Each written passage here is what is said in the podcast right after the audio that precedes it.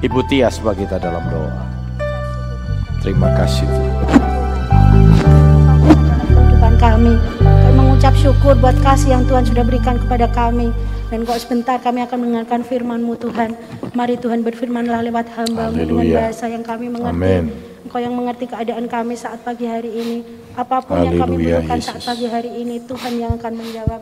Kami yang datang dengan kelemahan, kami yang datang dengan sakit penyakit, kami percaya saat kami pulang, kami boleh membawa kemenangan yang dari Tuhan. Acara pemberitaan firman Tuhan dari awal pertengahan Haleluya, Yesus. Kami mau serahkan dalam tangan Tuhan. Terima kami kasih. diam, kami mau belajar mendengarkan firman Tuhan. Hanya dalam nama Tuhan Yesus kami sudah berdoa dan mengucap syukur. Haleluya.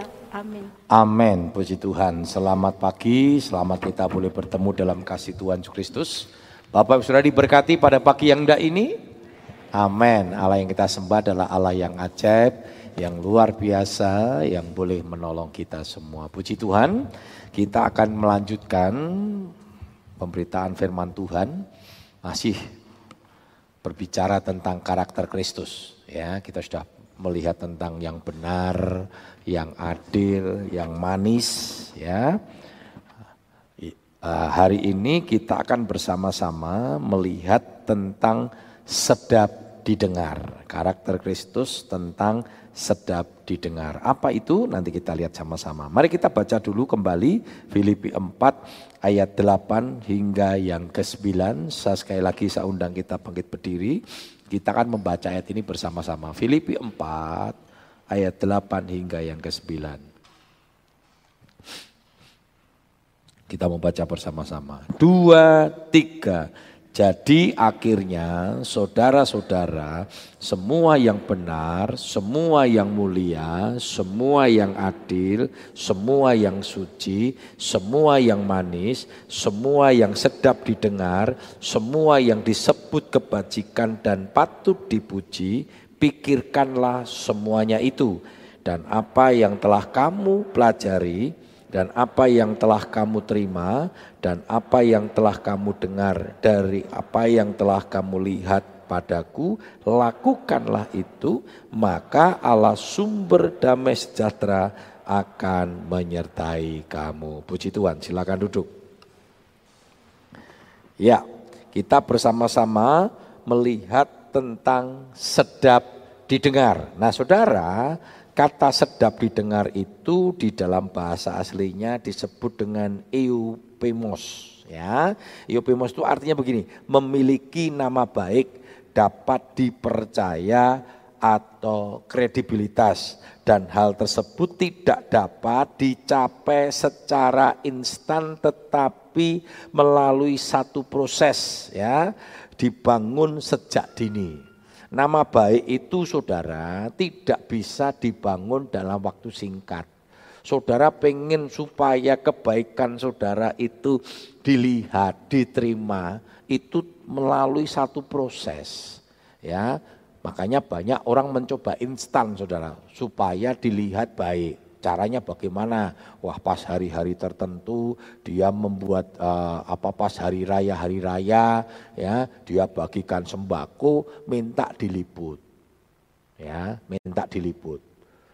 Kita kalau membagikan sembako saudara kalau membagikan sembako bersama dengan tim misi ke desa-desa ke hamba-hamba Tuhan nanti bisa ditanya dengan tim misi. Saya selalu katakan begini, jangan diupload Jangan mengambil gambar lalu diupload di Facebook, di Instagram. Wah bersama dengan tim misi Bapak Pendeta Timotius Agus dengan tim misi Gabriel sudah membantu. Saya nggak boleh sudah. Yang boleh yang boleh mendokumentasikan hanya tim, saya selalu katakan. Yang mendokumentasikan hanya tim dan itu kepentingan pertanggungjawaban tim misi kepada jemaat. Ya, makanya selesai mereka melakukan apa tim uh, misi biasanya hari Minggunya ke depan dilaporkan melalui warta. Kenapa? Karena kita bukan ingin memberi supaya diliput. Ada banyak orang memberi sengojo saudara. Bagi sembako, ngundang televisi dan sebagainya supaya diliput. ya Supaya apa? Supaya orang tahu bahwa dia baik. Enggak bisa saudara. Kebaikan itu sifatnya hakikat. Kebaikan itu sifatnya eksistensi. Atau kebaikan itu sifatnya melekat kepada jati dirinya. Dan itu tidak bisa dibuat. Makanya banyak orang kaget akhirnya. Wah kelihatannya apa? Kelihatannya. Ketika dia buat kesalahan banyak orang kecewa. Nah kebaikan ini hanya bisa dilakukan oleh seseorang apabila dia mencintai Tuhan. Masih ingat ya di dalam Matius dikatakan apa? Kasihlah Tuhan Allahmu dengan segenap hatimu, dengan segenap jiwamu, dengan segenap akal budimu. Itu hukum yang utama dan pertama. Lalu hukum yang kedua yang sama dengan itu ini bicara kualitas. Dikatakan apa? Kasihlah sesamamu manusia seperti dirimu sendiri. Jadi kita tidak mungkin bisa mengasihi sesama kalau kita tidak mengasihi Tuhan. Kita tidak bisa memancarkan, mengekspresikan kasih yang sesungguhnya kalau kita tidak bisa memiliki kasih Tuhan. Coba kita lihat dalam Amsal 28 ayat yang ke-20. Amsal 28 ayat yang ke-20. Aku berjalan pada kebenaran di tengah-tengah jalan keadilan. Ya, selanjutnya. Eh, Amsal 28 ayat 20. Betul. Amsal 28 ayat 20. Orang yang dapat dipercaya mendapat banyak berkat, tetapi orang yang ingin cepat menjadi kaya tidak akan luput dari hukuman. Iya, dikatakan orang yang dapat dipercaya mendapat banyak berkat, tetapi orang yang ingin cepat menjadi kaya tidak akan luput dari hukuman. Ya. Makanya jangan ingin jadi cepat kaya, Saudara. Akar dari kejahatan adalah mencintai uang. Ya, Kenapa saudara? Karena ingin cepat kaya. Makanya dikatakan dalam Timotius sering kali dia menyimpang dari kebenaran saudara. Ketika ingin cepat kaya. Kaya itu relatif saudara. Kaya itu relatif. Ya, kaya itu relatif. Enggak ada orang pada puncaknya. Makanya kita bingung juga ya, ada orang yang sudah kaya, saudara ya, pengen lebih kaya lagi. Dulu masih ingat saudara, ada satu perusahaan cukup terkenal di kota eh, di Indonesia ini saudara. Ya, dia ingin mencoba mencaplok perusahaan-perusahaan yang kecil. Tujuannya apa? Ingin menguasai. Bukannya saling membantu. Ada perusahaan kecil dibantu, enggak sudah. Dicaplok.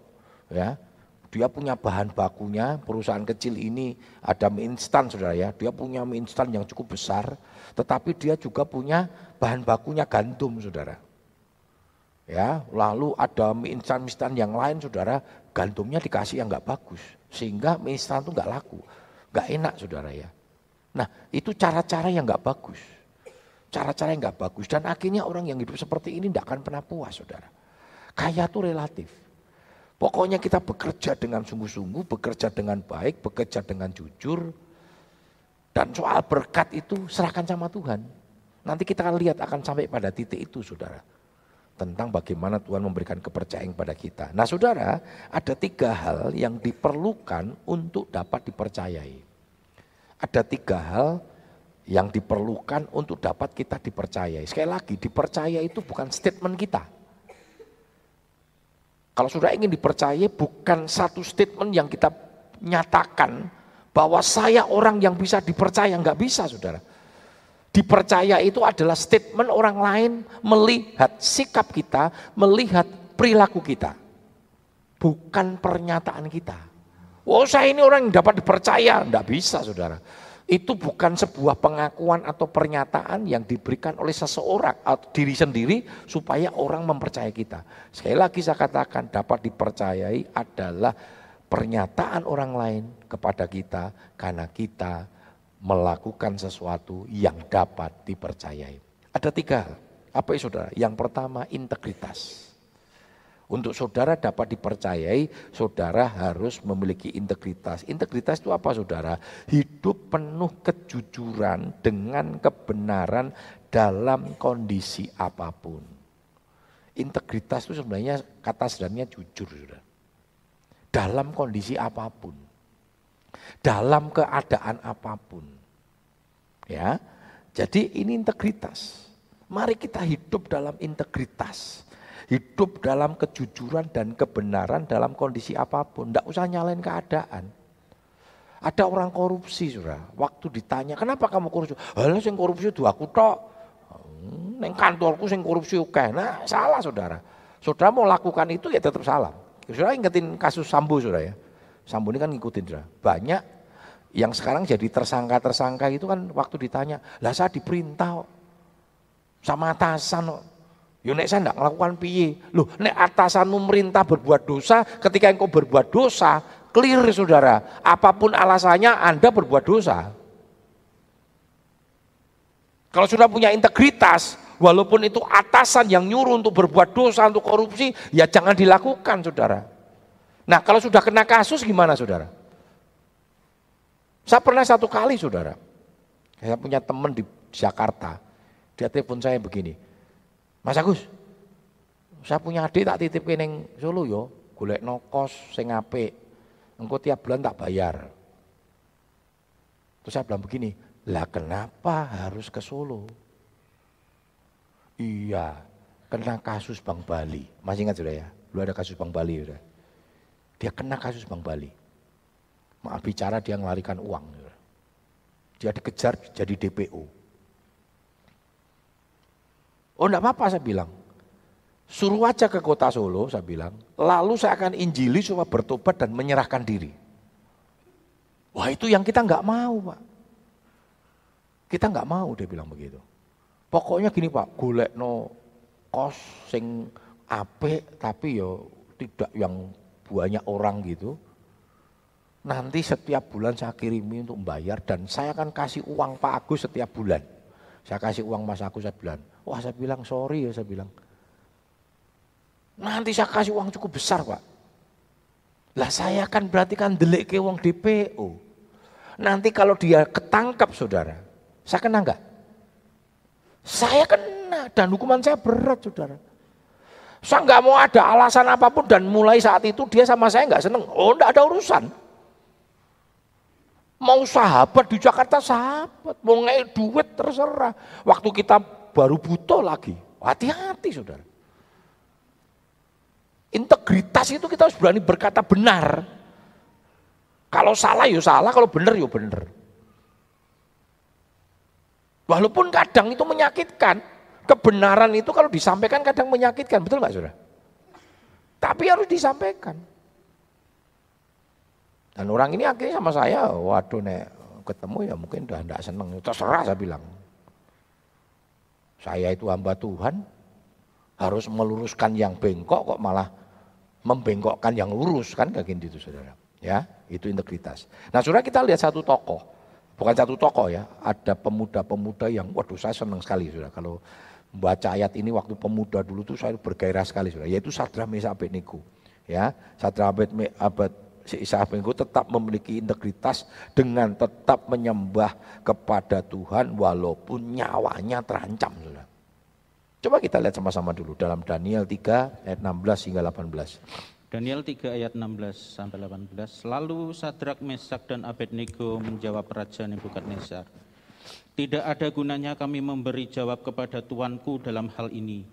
Jika Allah kami yang kami puja sanggup melepaskan kami, maka ia akan melepaskan kami dari perapian yang menyala-nyala itu dan dari dalam tanganmu ya Raja. Tetapi seandainya tidak hendaklah Tuanku mengetahui ya Raja, bahwa kami tidak akan memuja dewa Tuanku dan tidak akan menyembah patung emas yang Tuanku dirikan itu. Baik kan saudara. Ini nyawa taruhannya saudara. Nyawa taruhannya. Dia disuruh menyembah kepada patung. Dan dia tahu itu tidak benar. Apa yang dia katakan? Dia diancam nih, wira nyembah mati loh, tak hukum. Masuk ke dapur api. Tapi dia berkata apa? Tuhan yang ku sembah akan menolong saya. Tapi nggak titik di situ saudara. Kita kan selalu begitu saudara. Wah Tuhan pasti tolong, Tuhan pasti tolong. Tapi cara nolongnya Tuhan kan sesuai dengan konsep kita. Ketika Tuhan menolong dengan cara dengan cara konsep yang lain, kita merasa Tuhan tidak menolong, lalu kita marah. Tapi sampai sampai dia ngomong gini, Tuhan pasti tolong saya. Tetapi, luar biasa. Sekalipun Tuhan tidak menolong saya, kami tidak akan menyembah kepada patung itu.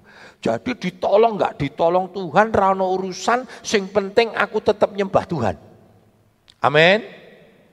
Amin. Berani berkata demikian, Tuhan tidak tolong sekalipun tidak akan mengubah iman saya kepada Tuhan. Amin.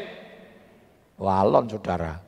Enak wae aku melu Gusti Yesus kan supaya ditolong, ora ditolong piye? Ngapain melu Gusti Yesus? Mending melu sing liyane. Loh ini kan Sadra Mesabit Nego sudah. Artinya apa? Dia punya integritas yang kuat. Bukan sekedar karena dia ditolong. Walaupun realitanya kenyataannya memang Tuhan selalu me menolong. Walaupun cara Tuhan menolong itu kadang tidak sesuai dengan konsep kita. Harus hati-hati saudara. Lalu ketika tidak sesuai dengan konsep kita, kita marah. Ya, kita marah. Hati-hati saudara. Cara Tuhan itu kadang, kan firman Tuhan ngomong, jalanku bukan ja, jalanmu. Rancanganku bukan rancanganmu seperti tingginya langit dan bumi. Cara Tuhan itu kadang berbeda. Mengkhotbah katakan kita sering kali tidak dapat menyelami apa yang dikerjakan Allah. Tetapi percayalah, Tuhan pasti mengerjakan sesuatu yang indah ya untuk hidup kita. Saudara, ada tokoh yang lain namanya Dimas, saudara. Nah ini beda kalau Dimas. Dimas tidak punya integritas. Dia lebih memilih mencintai dunia daripada mencintai Tuhan. Coba kita lihat di dalam 2 Timotius 4 ayat yang ke-10. 2 Timotius 4 ayat yang ke-10. Karena Dimas telah mencintai dunia ini dan meninggalkan aku. Ia telah berangkat ke Tesalonika, Kreskes telah pergi ke Galatia dan Titus ke Dalmatia. Perhatikan saudara, Demas lebih mencintai dunia ini oleh karena itu ia meninggalkan aku. Meninggalkan Tuhan karena milih dunia. Berapa banyak? Ketika engkau kecewa sama Tuhan, engkau marah sama Tuhan, engkau tinggalkan Tuhan. Dan engkau berpikir ketika engkau tinggalkan Tuhan, hidupmu lebih berbahagia. Salah, saudara. Salah. Engkau sudah ada di satu posisi yang tepat ketika hidupmu mempercayakan, hidupmu dipercayakan kepada Tuhan. Itu langkah yang tepat. Jangan karena kita berpikir, sekali lagi, kita berpikir Tuhan tidak menolong kita. Kenapa? Karena kita selalu berpikir pertolongan Tuhan itu selalu kita konsepkan, saudara. Tidak bisa, saudara itu tidak mudeng kok. Saudara tidak pernah tahu apa yang akan terjadi hari depan, hari esok. Tapi Tuhan yang pegang hari esok. Tuhan selalu pegang hari esok. Hari esok kita ada di tangan Tuhan, saudara. Jangan takut. Hari depan kita ada di tangan Tuhan dan saudara nggak pernah ngerti hari depan saudara. Ketika dulu saya kecil saya nggak pernah tahu saudara hari depan saya sampai titik sekarang ini saya nggak pernah tahu. Tetapi step by step perjalanan hidup saya saya lewati bersama dengan Tuhan. Yang oleh orang lain dianggap itu sebuah penderitaan. Tetapi bagi saya tidak pernah merasa menderita saudara. Karena saya tahu di tengah setiap peristiwa demi peristiwa dalam hidup saya, ada kuasa Tuhan, ada rancangan Tuhan yang sedang dipersiapkan untuk hidup kita. Jadi kalau engkau hari ini merasa sepertinya menderita, sekali lagi penderitaan itu adanya di hati kita, di perasaan kita, di pikiran kita. Saudara bisa memilih untuk tidak menderita. Ada orang yang hidupnya sederhana, tetapi dia tidak pernah merasa menderita, saudara. Walaupun dia cuma sebagai tukang becak dan sebagainya. Seringkali saya sering kali nonton di televisi, saudara. Tontonlah yang model-model begitu, saudara. Daripada yang cerita-cerita tentang sultan, sultan, sultan, saudara. Saya bingung juga ini KPI kok tidak ada tindakan. Lebih banyak kita nonton, ya tontonan-tontonan bagaimana orang yang berjuang hidup. Kemarin saya melihat, saudara, ada seorang bapak kerjanya nggak jualan pisau sama ngasah pisau sudah. Saya nggak tahu itu di stasiun TV apa. Dia sudah bertahun-tahun lakukan itu. Tapi dia tetap sukacita dan semangat. Waktu ditanya apa? Apa keinginan Bapak? Ya pokoknya lakukan yang terbaik. Bahkan dodolan pisau ngasah pisau. Ditanya berapa Pak? 12. Ngono yo dinyang 10 ewu loh saudara. Saudara nek tuku neng mall atau ngenyang ya. Pernah sudah ngenyang? Ayo. Neng matahari mall. Ya berani coba sudah ngenyang. Ketak saudara. Rego piroi dituku loh. Betul nggak saudara? Mbak tukang becak, tukang asa sing hele batine titik sudah ngenyang. Wone ndak ngenyang ra puas kok. Lombok kacek sewu ditinggal lunga saudara. Luar biasa saudara ini. Neng neng, neng mall saudara. Klambi regane mangatus sewu. Ayo berani enggak sudah ngenyang? Rawani ngenyang. Jahit mbek jemaate dhewe dinyang-nyang. Piro om? pitung puluh lima, helm mbok seket wae, mbek cemate dhewe lho saudara. Nyang-nyangan sampai entul-entulan saudara. Pitung lima, seket, yo seket lima, yo wis pitung puluh. Wah, ketemu titik akhir saudara ya. Mundak meneh swidak, kono swidak lima saudara. Lo nek kan gitu saudara. Saya punya keluarga sana yang ngenyang kabeh saudara. Nek neng sarklewer begini, memang sarklewer itu kadang suka ngenyang saudara. Jadi kalau sudah sampai dulu mama saya, kakak saya, tante tante saya kon ngeterke sudah. Misalnya di satu toko sudah ya. Kalau sudah pernah persak level yang lama ya. Wih itu ujek-ujekan. Saya itu paling nggak sih nggak bisa ujek-ujekan saudara. Satu nih sudah banyak gerombolan gitu, ujek-ujekan gitu. Waduh kok wong bingung saya. Ya dah gitu saya duduk aja di di tempat di mana dia ngenyang saudara. Wih sudah. Eh Nora, kacek mangewi loh. Itu ora, nek itu tak tinggal loh. Oh, tinggalin katanya, ditinggal lunga Saya waktu mama saya atau tante saya tinggal lunga, saya tetap duduk di situ. Eh Gus, gah, ngoyo balik meneh. Betul sudah balik. Piye, Nora, Nora, wis ditinggal lu, balik meneh. Piye, Nora seket, seket Nora. Ora entuk, ya wis tak tinggal, tinggal meneh. Balik meneh, Nora seket. Ya ampun, ampun. Ngenyang kok kaya wong aduh, Saudara. Wis guyang-guyu ki senengane ngenyang-nyang, Saudara ya. Becak dinyang lho mesake lho saudara. Ojo nek numpak becak aja menyang saudara ya. Pinten Pak? Selangkung. Alah 10.000 wae katanya wah akhirnya tukang becak karena kesel ya. Nggih pun. Monggo katanya gelondoran ra dirim saudara. Pak Pak Pak Pak Pak Pak. 10.000 jaluk selamat katanya. Nek jaluk selamat yo selawe 10.000 jaluk selamat jadi gelondoran ra dirim saudara ngerime tabrak ke trotoar saudara Hati-hati saudara. Ya sudahlah kita ini harus belajar saudara ya. Banyak belajar. Ya kita lihat Demas ini. Wah mencintai dunia saudara. Tapi meninggalkan Tuhan. Ya. Yang kedua dipercaya itu yang pertama punya integritas. Yang kedua apa? Punya komitmen. Komitmen itu artinya memegang teguh perjanjian atau keterikatan untuk melakukan suatu kontrak. Komitmen itu artinya kita ber, berpegang teguh kepada perjanjian kita. Saudara dan saya adalah orang-orang yang sudah diselamatkan oleh Tuhan. Pegang komitmen itu. Ya.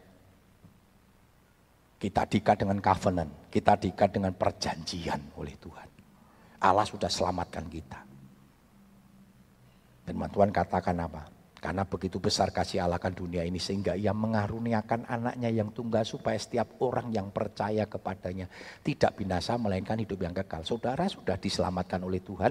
Nah kuncinya apa? Saudara percaya sama Tuhan. Itu covenantnya, itu perjanjiannya. Tapi kalau saudara tidak mau percaya sama Tuhan ya sudah, sudah. Saudara akan kehilangan covenant tadi. Saudara akan kehilangan perjanjian itu untuk supaya perjanjian itu bisa dilaksanakan, dua belah pihak harus punya komitmen yang kuat. Seperti suami istri. Saudara sudah diikat dengan perjanjian. Bukan perjanjian di catatan sipil saja, tapi perjanjian yang diikat oleh kasih Kristus. Ketika engkau diberkati, menyatakan janji nikah. Itu kan perjanjiannya di situ, saudara. Dan janji nikah selalu saya katakan begini, janji nikah ini bukan hanya sekedar apa ya e, protokol prosedur yang dilewati ketika kita melaksanakan ibadah peneguhan pemberkatan, tetapi janji nikah ini merupakan sebuah kontrak covenant perjanjian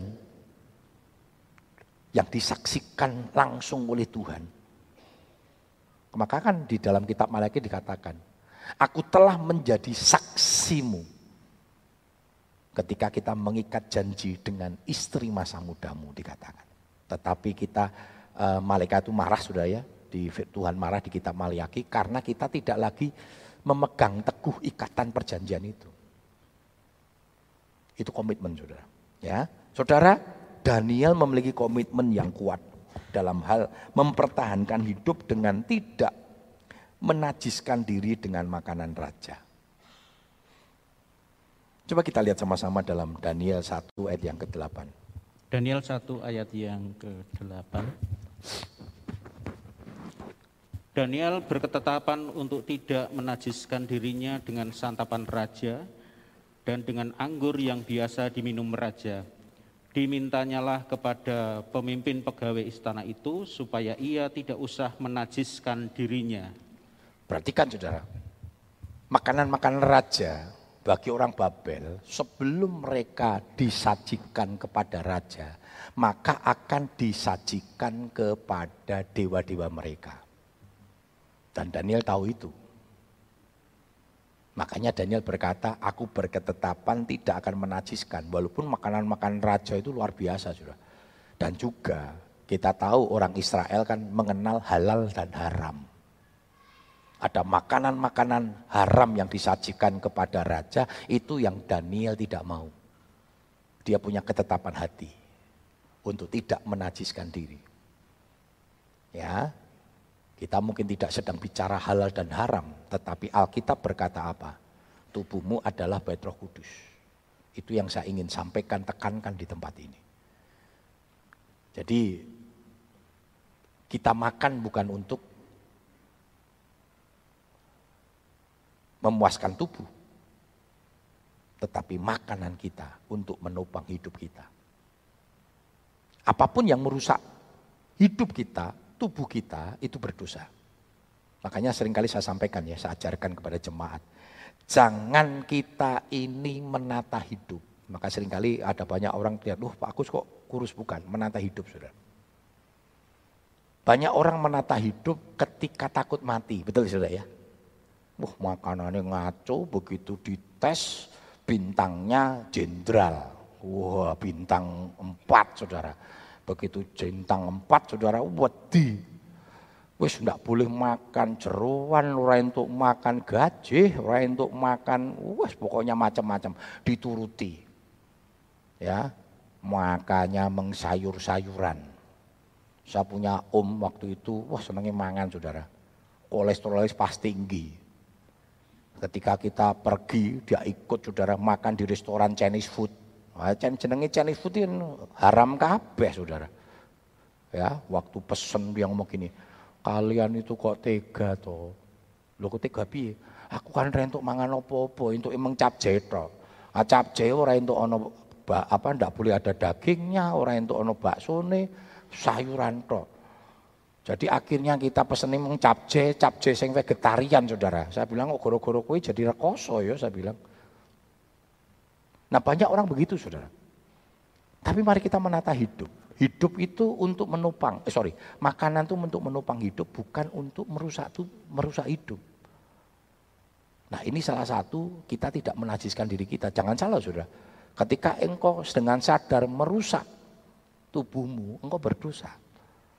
Sudah tahu tensimu tinggi. Ya kan? Pergi ke sate kambing, nek sate kambing ini masih lumayan sudah mangane gule. Ya sudah lah, sudah. Wis ono santene ini itu namanya kan merusak. Jadi kita harus menata, sudah. Ya, itu salah satunya kita tidak menajiskan diri. Yang pulang rencananya mau beli sate kambing janganlah saudara. Mending saudara beli kirimkan yang pastori wae saudara ya. Ah, luar biasa saudara ya. Nah saudara, Yosua bersama keluarga memiliki komitmen untuk tetap menyembah kepada Allah yang benar. Ini Yosua saudara. Kita sudah sering kali dengar ya bagaimana komitmen Yosua untuk menyembah kepada Tuhan bersama seluruh keluarganya. Yosua 24 ayat yang ke-15. Yosua 24 ayat 15. Tetapi jika kamu anggap tidak baik untuk beribadah kepada Tuhan, pilihlah pada hari ini kepada siapa kamu akan beribadah. Allah yang kepadanya nenek moyangmu beribadah di seberang sungai Efrat, atau Allah orang Amori yang negerinya kamu diami ini. Tetapi aku dan seisi rumahku, kami akan beribadah kepada Tuhan. Perhatikan sudah. Kenapa Yosua sampaikan? Karena Yosua tahu bangsa Israel ini bangsa yang tegar tengkuk. Dia mimpin bangsa Israel, menggantikan Musa. Dia tahu 40 tahun perjalanan di padang gurun itu dia dampingi Musa, dia ngerti. Karakternya bangsa Israel, saudara. Wong Tuhan hadir melalui tiang awan, tiang api aja dia bisa selingkuh, saudara. Selingkuh itu kemarin saya baru apa baru baru dengar ternyata ada singkatannya, saudara. Selingkuh itu selingan indah keluarga utuh. Mana ada, saudara? Baik itu, saudara. Selingkuh itu ternyata ada istilahnya, selingan indah keluarga utuh mengselingan tok. Nek ora ketahuan, mana ada orang selingkuh ora ketahuan. Betul nggak sudah? Nah Isa. Ini orang Israel selingkuh di depan mata, di depan hadirat Tuhan. Apa enggak kurang ajar itu orang Israel? Inilah orang Israel. Tapi juga sudah lihat orang Israel itu memang umat pilihan Tuhan. Bukan karena dia baik. Tuhan itu memberkati bangsa Israel karena Tuhan terikat dengan janji nenek moyang orang Israel yaitu Abraham, Iska, dan Yakub. Itu terikat dengan janjinya inilah Allah kita. Allah kita tuh punya komitmen yang kuat. Tetapi di pihak yang lain Allah kita adil. Adilnya apa? Setiap dosa ada hukuman. Makanya kalau nanti kita lihat perjalanan bangsa Israel itu ya sebenarnya tersiok-siok saudara. Lahir sebagai bangsa yang budak. Terus mempunyai kerajaan ya, yang besar kuat eranya Salomo. Kenapa? Karena Salomo takut akan Tuhan. Daud takut akan Tuhan pada walaupun akhirnya Salomo juga hancur lagi saudara, mulai pecah mulai pecah-pecah-pecah lalu sejarah kerajaan raja-rajanya orang Israel kalau sudah lihat itu sudah tidak lagi percaya sama Tuhan. Akhirnya kerajaan Yehuda dijajah oleh Babel, jajah lagi sama Babel. Asyurnya habis, eh, sorry, eh, Israel dijajah sama Asyur hilang sampai hari ini. Terus perjalanannya dari Babel, lalu dijajah pada puncaknya Romawi, ya lalu dicerai mengalami dia terpecah-pecah ke mana-mana saudara. Baru nanti tahun 4647 terjadi sionisme sampai hari ini. Allah kita itu Allah yang adil. Maka Yusuf berkata, terserah kalian, tapi aku dan seisi keluargaku. Mari. Bapak-bapak, imam-imam, punyalah komitmen. Membawa keluargamu untuk tetap menyembah kepada Tuhan.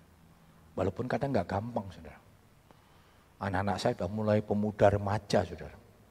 Tapi saya cerewet, saudara. Saya lebih cerewet dari Bu Ika. Kalau pulang jam ini belum, saya paling cerewet, saudara. Ke mana nih?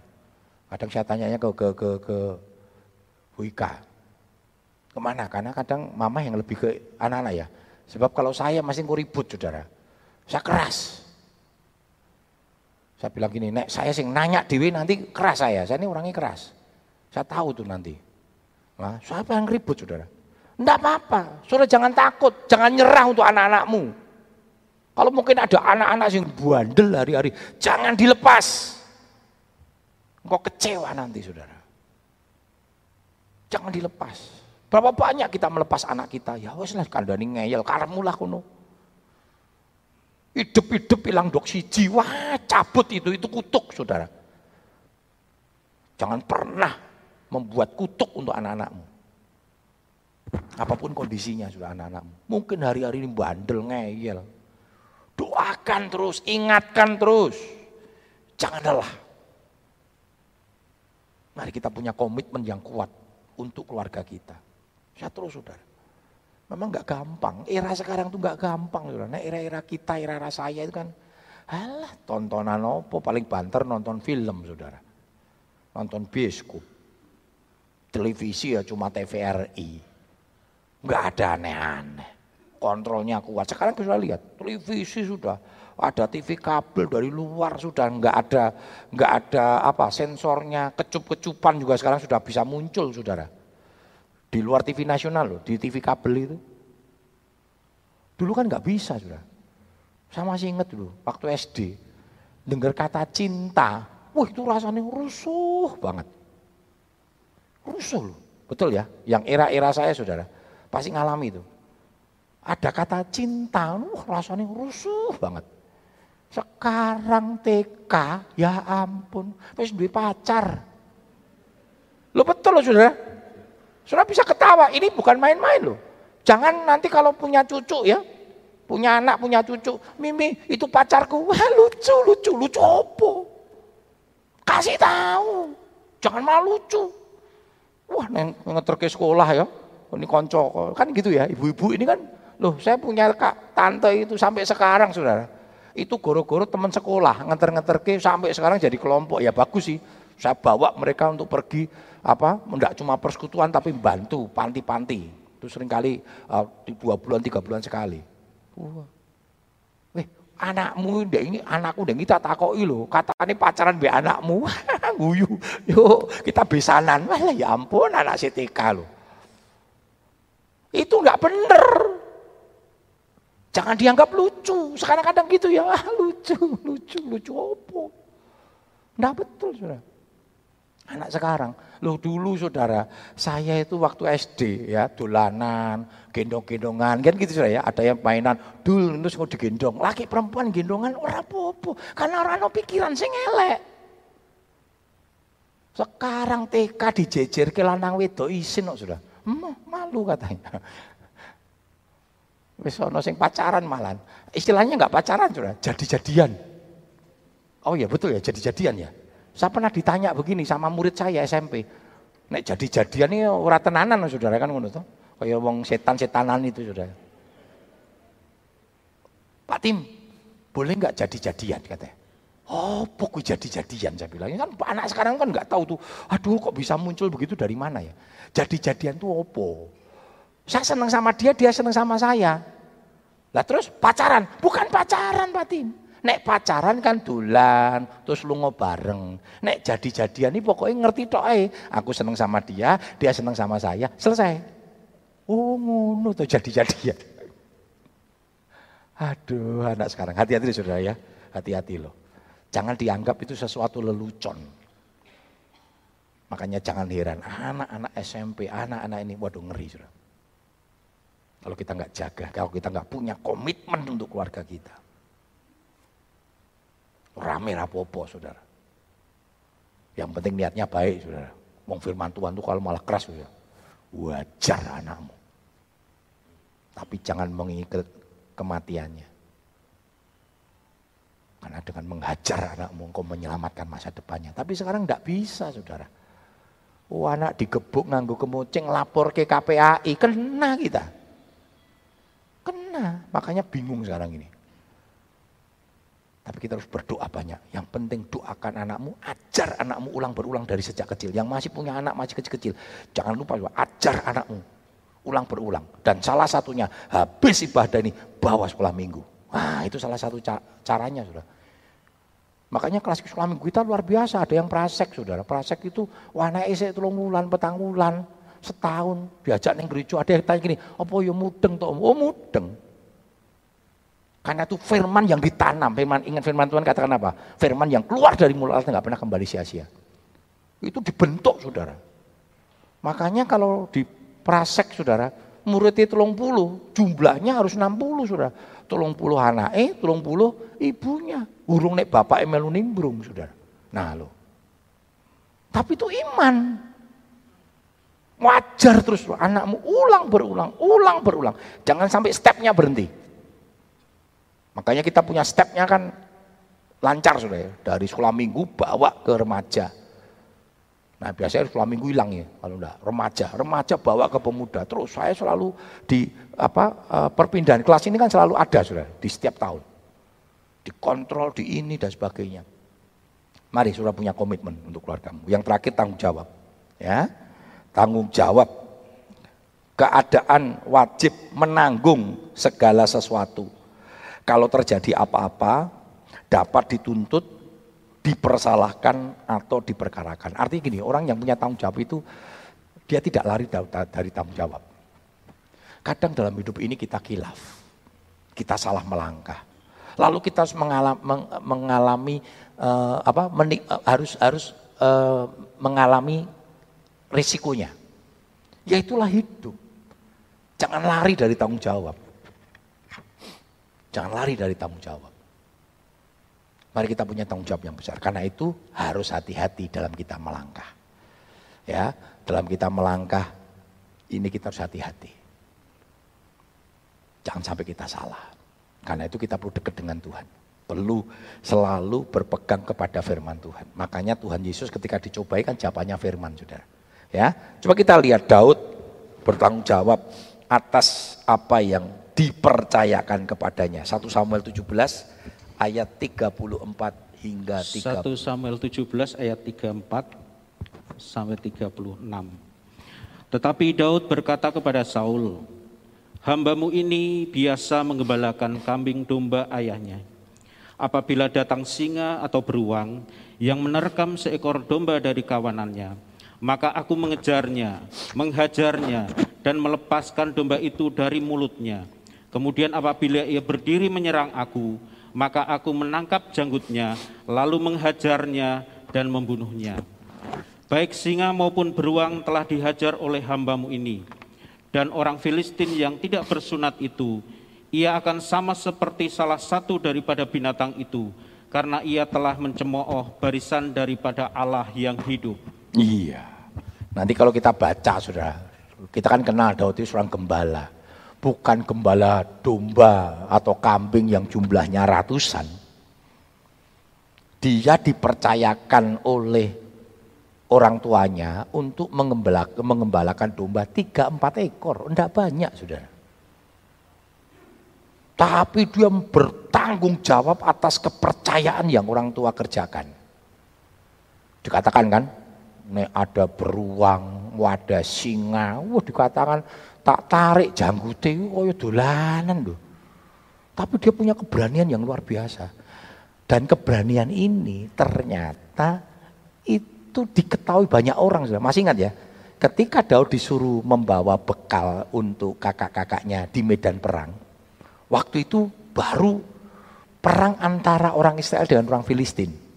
Ya kan? Lalu dia melihat si Goliat itu menghina Tuhan Orang terima sudah, dia deketi sudah, dia ngintip begitu. Lalu dia ketemu kakak-kakaknya. Kakaknya ngomong apa gini? Eh Daud, ojo aneh-aneh ya. Aku ngerti karaktermu. Aku ngerti sikapmu. Ojo aneh-aneh. Maksudnya begini sudah. Ojo aneh-aneh. Aku ngerti kue kendel. Kamu tuh nekat. Tapi jangan aneh-aneh. Ini gue ini. Mati kamu gitu loh saudara. Tapi kita lihat kan Daud terima, hadap ke Saul, inilah pernyataan dia. Saul tanya, "Kuwi opo? Kemampuanmu opo? Kamu hanya gembala." Ini prajurit aja takut kok. Wah, dia cerita tadi kan. Tidak terima dia karena Tuhannya dihina. Singa aja tak sikat kok. Beruang aja tak sikat dan hambamu sudah berapa kali. Kenapa? Karena dia bertanggung jawab untuk domba yang gak banyak itu. Itu tak tanggung jawab. Saudara mari kita bertanggung jawab atas setiap apa yang Tuhan percayakan dalam hidup kita. Setiap orang yang setia pada perkara kecil maka Tuhan akan memberikan tanggung jawab yang lebih besar. Dan tanggung jawab itu kan tidak langsung dimulai dari yang besar sudah, betul? Saya tidak pernah di, tidak langsung dipercayakan gereja yang besar seperti ini kan. Proses saya lama sudah. Dari sekolah minggu yang jumlahnya hanya puluhan saya layani jadi ratusan. Saya berapa kali saksikan sudah. Saya dulu senang melayani di daerah pinggiran-pinggiran kota Solo. Daerah orang-orang marginal saudara. Anak-anak pemulung, yang ada di kolong jembatan, saya layani. Saya tidak mandang apa-apa, sudah. Pokoknya layani aja. Dari puluhan kita layani sampai ratusan. Lalu gembala saya lihat pelayanan itu dia panggil saya, Agus, kamu di pusat saja, pegang itu sekolah minggu pusat. Dan di pusat itu anak sekolah minggunya 3000 anak, saudara. Saya pernah menangani anak sekolah minggu jumlahnya 3000 anak. Di Gebes Kepunton itu. Terus Tuhan percayakan. Dalam pelayanan saya Tuhan percayakan. Saya SMA. Saya nggak tahu makanya nama saya Timotius itu selalu paling muda sudah. Saya, SMA sudah disuruh mimpin pujian di gereja yang cukup besar. Kenapa? Kita nggak pernah membuat pernyataan. Pokoknya layani aja, dipercayakan layani, layani, layani, layani. Saya pernah menangani komsel, kalau kami namanya homsel sudah. Kalau kita rayon. Tapi komselnya sana cukup besar sudah. Saya menangani satu komsel jumlahnya 200. Itu kan koyo jemaat, sudah jemaat sudah. Artinya apa? Tidak serta-merta langsung hari ini, tidak. Tapi setiap kepercayaan yang Tuhan berikan sama kita, kerjakan dengan penuh tanggung jawab, termasuk dalam pekerjaanmu. Termasuk dalam harta bendamu. Kekayaan yang Tuhan percayakan, sekecil apa pun, kerjakan itu, lakukan itu dengan penuh tanggung jawab. Maka Tuhan, dikatakan tadi ya, akan memberikan tanggung jawab yang lebih besar. Matius 25 ayat 21. Matius 25 ayat 21. Maka kata tuannya itu kepadanya, Baik sekali perbuatan itu, hei hambaku yang baik dan setia. Engkau telah setia dalam perkara kecil, aku akan memberikan kepadamu tanggung jawab dalam perkara yang besar masuklah dan turutlah dalam kebahagiaan Tuanmu. Apa pun itu namanya kepercayaan, bukan milik kita, termasuk harta bendamu. Itu sebuah kepercayaan, maka jangan heran sudah. Ketik satu kali Tuhan bisa ambil itu. Masih ingat Ayub? Dari yang begitu kaya, Tuhan izinkan diambil habis, saudara. Tapi karena Ayub bertanggung jawab atas setiap kepercayaan Tuhan, dia tambahkan dua kali lipat. Jadi kalau Tuhan izinkan hari-hari ini ekonomi kita lemah, Bukan karena kita salah perhitungan ya. Kalau salah perhitungan, saudara minta ampun sama Tuhan. Makanya doa saya setiap pagi, saudara. Untuk memberkati jemaat. Setiap usaha pekerjaan jemaat itu diberkati oleh Tuhan. Dan saya selalu berdoa begini. Tuhan berikan hikmat bagi setiap umat-umatmu. Dapat mengelola keuangan kami dengan bijak. Belajar untuk mencukupkan dengan berkat yang Tuhan percayakan. Itu kuncinya di situ, saudara. Engkau sudah kelola dengan baik. Engkau sudah dengan bijak mengelola keuanganmu. Tapi Tuhan izinkan kita mengalami titik terendah dalam keuangan kita. Tidak usah marah sama Tuhan. Walaupun dengan titik lemah itu tetap bertanggung jawab sama Tuhan. Karena itu proses. Ingat Ayub kan? Ayub diizinkan pada titik yang terendah. Dan saya kira pada tidak ada saudara di tempat ini mengalami titik terendah dalam hal keuangan. Semuanya sudah keuangan keluarga, rumah tangga, titik terendah. Tapi Ayub tetap bertanggung jawab. Dan akhirnya apa sudah? Tuhan pulihkan. Bukan sekedar dipulihkan, tetapi dilipatkan, gandakan. Saya tidak tahu. Mungkin hari-hari ini kau sudah mengalami titik itu. Cek dan dicek. Kalau itu terjadi karena engkau memang salah perhitungan. Engkau tidak dapat mengelola keuangan dengan bijak tidak belajar menyukupkan dengan berkat yang ada. Minta ampun sama Tuhan. Tapi ketika engkau sudah kelola keuangan itu dengan baik, tapi Tuhan masih izinkan kita berada pada titik keuangan yang rendah. Tetap bertanggung jawab, tetap bersyukur. Kerjakan itu untuk Tuhan, maka Tuhan akan menolong kita. Amin. Ada tiga hal untuk dapat kita dapat dipercaya. Kita punya integritas, kita punya komitmen, dan yang ketiga, kita punya tanggung jawab. Mari kita Bangkit berdiri bersama-sama. Ya Tuhan, ku percaya, aku percaya. Tetap percaya kepada Tuhan. Tetap percaya kepada Tuhan, apa pun kondisinya. Karena Tuhan tidak pernah mengecewakan kita. Tuhan tidak pernah memiliki rancangan untuk menghancurkan hidupmu, bahkan memberikan hal-hal yang negatif untuk hidupmu. Rancangannya selalu indah. Dia selalu merancangkan sesuatu yang positif untuk hidup kita. Yang mendatangkan keindahan untuk hidup kita. Ya Tuhan, ku percaya. Ibu selfie bagi kita dalam doa mengucap syukur Tuhan kalau pagi hari ini kami boleh menikmati dan boleh diteguhkan kembali dengan kebenaran firman-Mu. Ajar kami Tuhan melakukan setiap kebenaran firman Tuhan yang sudah kami dengar pagi hari ini.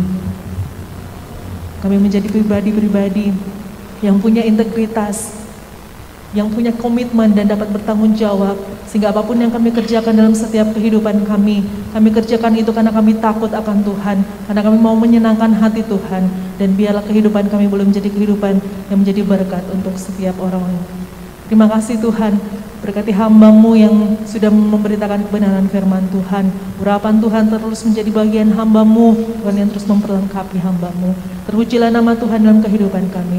Kami mengucap syukur, kami terima firman Tuhan, dan kami mau melakukan itu di dalam kehidupan kami. Di dalam nama Tuhan Yesus Kristus, haleluya. Amin.